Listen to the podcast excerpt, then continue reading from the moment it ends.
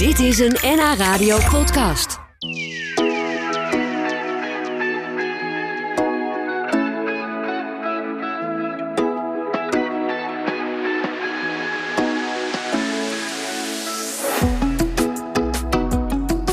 Straks horen we het bijzondere verhaal van Serdar Tolenaar uit Alkmaar...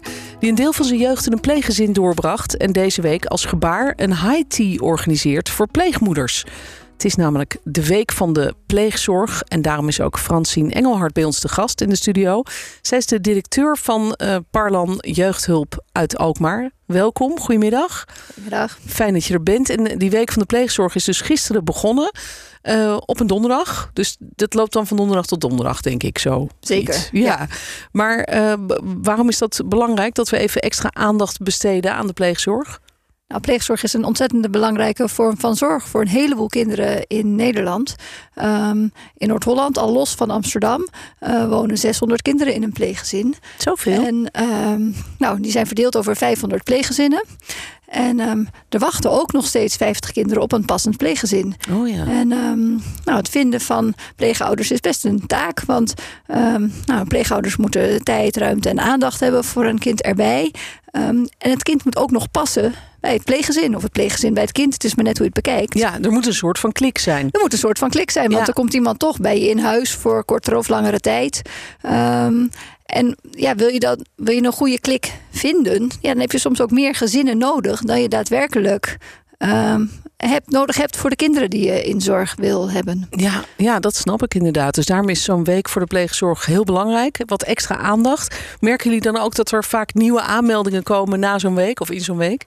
Nou, er komen in ieder geval veel vragen altijd na zo'n week. En er is ook uh, informatiebijeenkomst. En op Pleegzorg NL is er allerlei informatie. En in de verschillende media, dus nu ook op de radio. Waardoor mensen toch ook gaan nadenken over pleegzorg. En of dat iets voor hen kan zijn. En dan in de periode hierna uh, druppelen de vragen ook nog steeds wel binnen. Ja, ja. dus zo zie je dat het uh, belangrijk is om er zo even zo'n week erbij stil te staan. We praten zo nog eventjes uh, verder, Francine. Um, ik ga eerst naar Serdar Tolenaar uit Alkmaar. Ik kondigde hem net al even aan. Serdar, goedemiddag. Hi, goedemiddag. Ja, jij zit niet bij ons in de studio, maar op afstand. Uh, maar we kunnen je wel goed uh, horen, gelukkig. Um, jij hebt een, uh, een, deel van jouw jeugd in een pleeggezin gewoond. Hoe, hoe kwam dat?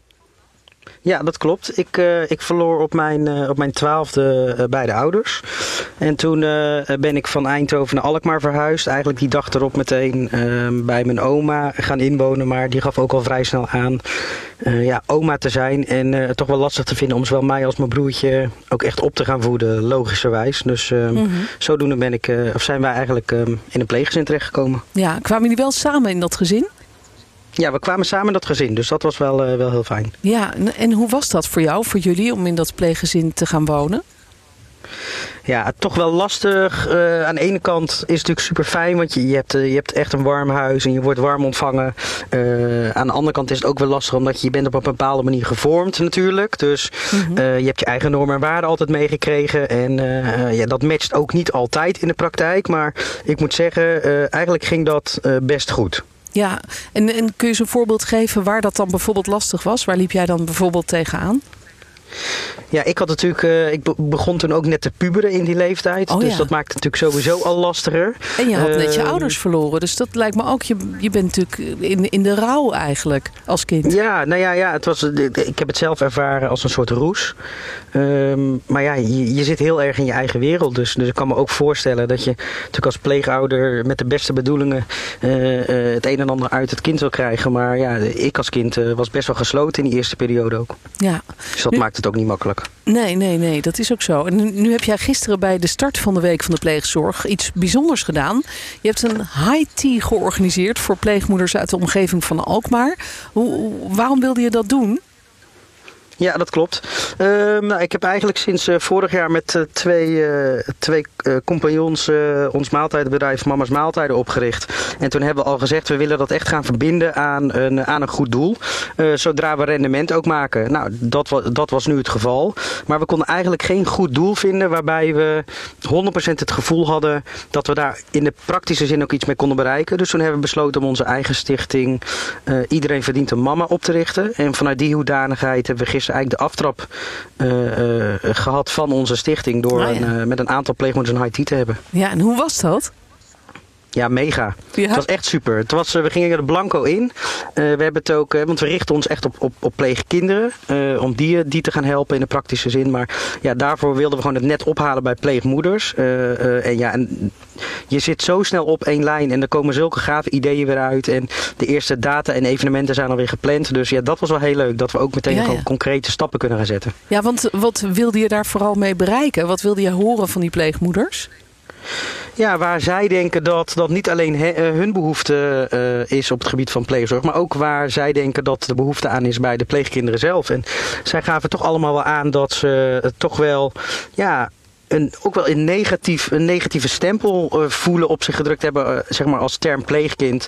Eh, maar waarbij ik, als ik in ieder geval naar mezelf kijk, ik eigenlijk het gemis heb weten om te zetten in iets positiefs. Ehm, en ja, dat willen we eigenlijk gaan teruggeven. En, en de pleegmoeders gaven eigenlijk aan, nou ja, als jullie dat als ondernemers zijnde, in de praktische zin zoals jullie ook zijn, zouden kunnen gaan meegeven in de komende maanden. ehm, ja, dat, dat zou voor hun wel een, al een heel gewin zijn. Dus dat is ook Ja. hoe, we het, eh, hoe we het willen gaan invliegen. Ja, maar eh, voelde jij dat zelf ook zo als, als eh, jong kind wonend in een pleeggezin? Dat er toch een soort van negatief stempel op zat? Of dat, het, ja, dat je anders was dan anderen? Of, of hoe was dat voor jou? Ja, dat, dat voelde ik wel. En eh, eh, kijk, je hebt, je hebt eh, echt wel goede begeleiding, ook vanuit coaches en vanuit Parlan. En, maar daar zit dan toch altijd ook weer een soort van stempel op. Dus wat, wat, wat de pleegmoeders zelf al aangaven, dat ze denken dat dit gewoon in de praktische zin heel goed kan werken. Omdat wij, we hebben er wel altijd, zullen er straks een professional bij hebben. Maar het gaat vooral om ons als ondernemers, met ook de ervaring als pleegkind zijnde. Ja, Ehm, ja, dat- kan een soort dat rolmodel zijn voor die kinderen. Zonder nou dat jij een ik- kijk, het zou hulpverlener natuurlijk bent. mooi zijn als we, ja, als dat, dat zou natuurlijk super zijn als we dat. Kijk, zo zien we onszelf niet, maar de pleegmoeders gaven aan dat zij denken dat we dat eh, voor die pleegkinderen kunnen betekenen. Dus ja. En wat ja, ga je dan met ze doen? graag zijn. Wat is dan concreet de Eh, bedoeling? Ja, heel praktisch. We beginnen met een groepje jongens en een groepje meiden. In de kerstvakantie gaan we een dag eh, eh, eh, echt leuke activiteiten doen. Dat doen we gescheiden van elkaar. In eerste instantie omdat de interesses van jongen en meiden natuurlijk iets uit elkaar ligt. En dan hebben we het echt alleen maar hè, in de vorm denk bij de jongens aan paintballen en racen in race simulatoren. En met Oh. die meiden een, een dag shoppen en een make-over. Puur Leuk. om zeg maar even Ja. het eerste goede gevoel. Nou, dan, dan gaan we ze ook letterlijk om hulp vragen. Hè, hoe denken jullie nou? Kunnen jullie ons helpen? Hoe kunnen we dit nou goed gaan doen voor meer pleegkinderen? En dan willen we dat eigenlijk in de vakanties daarna eh, concreet gaan aanpakken. En dan ook een beetje de diepte in van waar loop je nou tegenaan? Ah, ja. En wat vind je nou moeilijk? En ja, dat kijken hoe we dat kunnen gaan ombuigen naar het positieve. Om te zorgen dat ze gaan denken in kansen, in mogelijkheden. eh, eh, het motto meegeven dat alles kan als je het maar wil. En dat, dat het missen van je biologische ouders heel erg rot is. Maar dat het aan de andere kant ook weer iets unieks brengt. Wat je kunt gaan gebruiken als kracht zijnde. Ja, nou je hebt in elk geval jouw eigen ervaring omgezet in iets heel positiefs, Serdar. Dat is wel duidelijk. Eh, Ik wens jou heel veel succes met je, met je project en met je bedrijf. En Dankjewel. m- Misschien dat we daar volgend jaar nog eens wat meer over horen als je eenmaal eh, daar eh, mee bezig bent. Hartstikke leuk. Dank jullie wel. Oké, goed. Fijn dat je even bij ons in de uitzending was. Serdar Tolenaar hoorde je uit Alkmaar. En zo dadelijk dan praat ik ook nog even verder met Francine Engelhard. Zij is hier. Zij is de directeur van Parlan Jeugdhulp. En die zitten ook in Alkmaar. Vroeg me af, Francine, is dat tekort eigenlijk de afgelopen jaren door corona en alles toegenomen? Of, of zijn er juist mensen die hebben gedacht, goh, nu werk ik vaker thuis. Misschien heb ik eigenlijk wel ruimte in huis voor een, een kind erbij. Nou, we zien dat de afgelopen jaren het steeds moeilijker is om voldoende pleeggezinnen te vinden. En ehm, er is natuurlijk verloop bij pleegouders. En dat is deels ehm, omdat eh, kinderen en pleegkinderen volwassen worden. En in de levensloop het een natuurlijk besluit is om ehm, dan geen pleegkinderen meer erbij te nemen. Mensen worden ouder. ehm, en zo gaat dat. Ehm, en er zijn natuurlijk ook pleeggezinnen waarbij een kind verhuist op een negatieve reden, omdat het toch niet helemaal goed gaat. Ehm, nou, dat is veel minder leuk. Dat is voor alle partijen Ja. heel onplezierig. Ehm, en corona heeft helemaal niet meegeholpen, want toen waren natuurlijk ook alle kinderen eh, thuis van school. Dus mensen moesten thuis werken. Maar de kinderen gingen ook niet naar school of onregelmatig naar school. En eh, kinderen in pleegzorg mochten ook wel naar de eh, opvang van de school. En die waren daarvan vrijgesteld, daar was ruimte voor. Ehm, maar ja, u, u kunt zich voorstellen, kinderen willen zo normaal mogelijk zijn. Ja, die willen ook allemaal niet per se wel naar de opvang als anderen dat niet Nee. ehm, mogen. Nee, Dus nee. de, de, ja, de perikelen van corona heeft iedereen geraakt. ehm, maar heeft ook wel veel mensen ervan weerhouden om pleegouder te worden. Ja, dus vandaar dat het goed is dat jullie er weer even aandacht voor vragen. Die pleegzorg is belangrijk. Eh, wat, wat moet je als gezin kunnen bieden eigenlijk als je pleeggezin wil worden? Ehm, ja, aandacht en ruimte in je hoofd en in je leven om een kind van een ander in huis te hebben ehm, en op te voeden. En er zijn natuurlijk verschillende eh, vormen van pleegzorg. Hè. Sommige kinderen komen één weekend in de maand of drie dagen door de week in een pleeggezin. Dat heet deeltijdpleegzorg. Ja, het is niet Ehm. zo dat een kind altijd echt bij je komt wonen. Nee, en soms wel. En soms komt een kind voor een paar maanden bij je in huis wonen.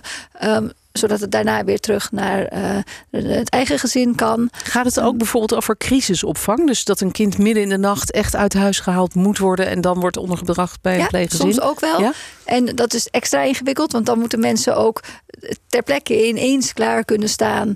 ehm, om een kind van verschillende leeftijden eh, Ja. op te vangen voor een korte periode. Dus dat vraagt ook veel. En er zijn een, gelukkig een heleboel gezinnen die dat graag doen. En ehm, nou ja, daar ook heel erg mee helpen om stabiliteit eh, te creëren voor het gezin waar het Ja. kind vandaan komt. Je moet misschien eh, als pleegouders wel stevig in je schoenen staan, denk ik. Niet alleen als je mm, je opgeeft voor die crisisopvang, want dan weet je eigenlijk nooit precies wanneer er iemand komt en wat dat voor een kind is.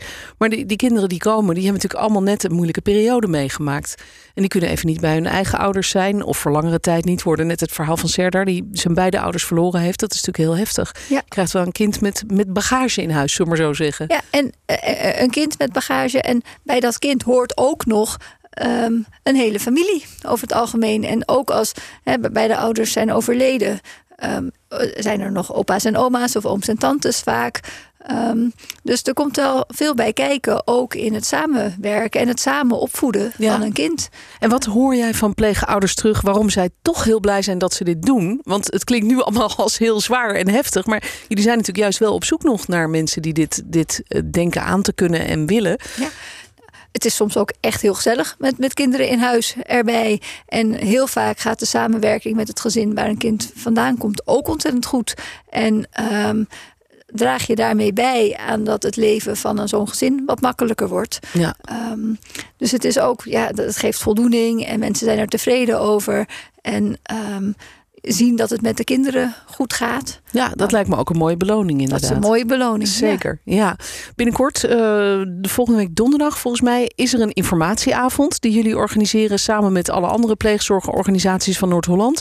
En, en dat is online, hè? Kan iedereen zich gewoon aanmelden? Hoe werkt dat? Ja, zeker. Iedereen kan zich aanmelden. En ehm, kan ko- komen luisteren en vragen stellen. Want dat is ontzettend belangrijk. Want het is ook een belangrijke keus. Want als je pleegouder bent, dan ga, ga je ook ergens voor. En het is voor alle partijen altijd heel verdrietig als je eraan begint en het lukt toch niet. Ehm, dus het is ook belangrijk om je als pleegouder daar goed op voor te bereiden en informatie in te winnen. En vooral Ja. veel vragen te stellen. Ja, je kunt daar meer informatie over vinden via de website openjewereld.nu. Mooie naam trouwens voor die website. Open je wereld, ja. Eh, daar staan ook nog andere informatieavonden. Eh, er zijn in december ook nog eh, avonden in, waar je echt fysiek ook heen kunt. Hè. Dat is in Amsterdam. Nou, die informatie vind je allemaal op de website.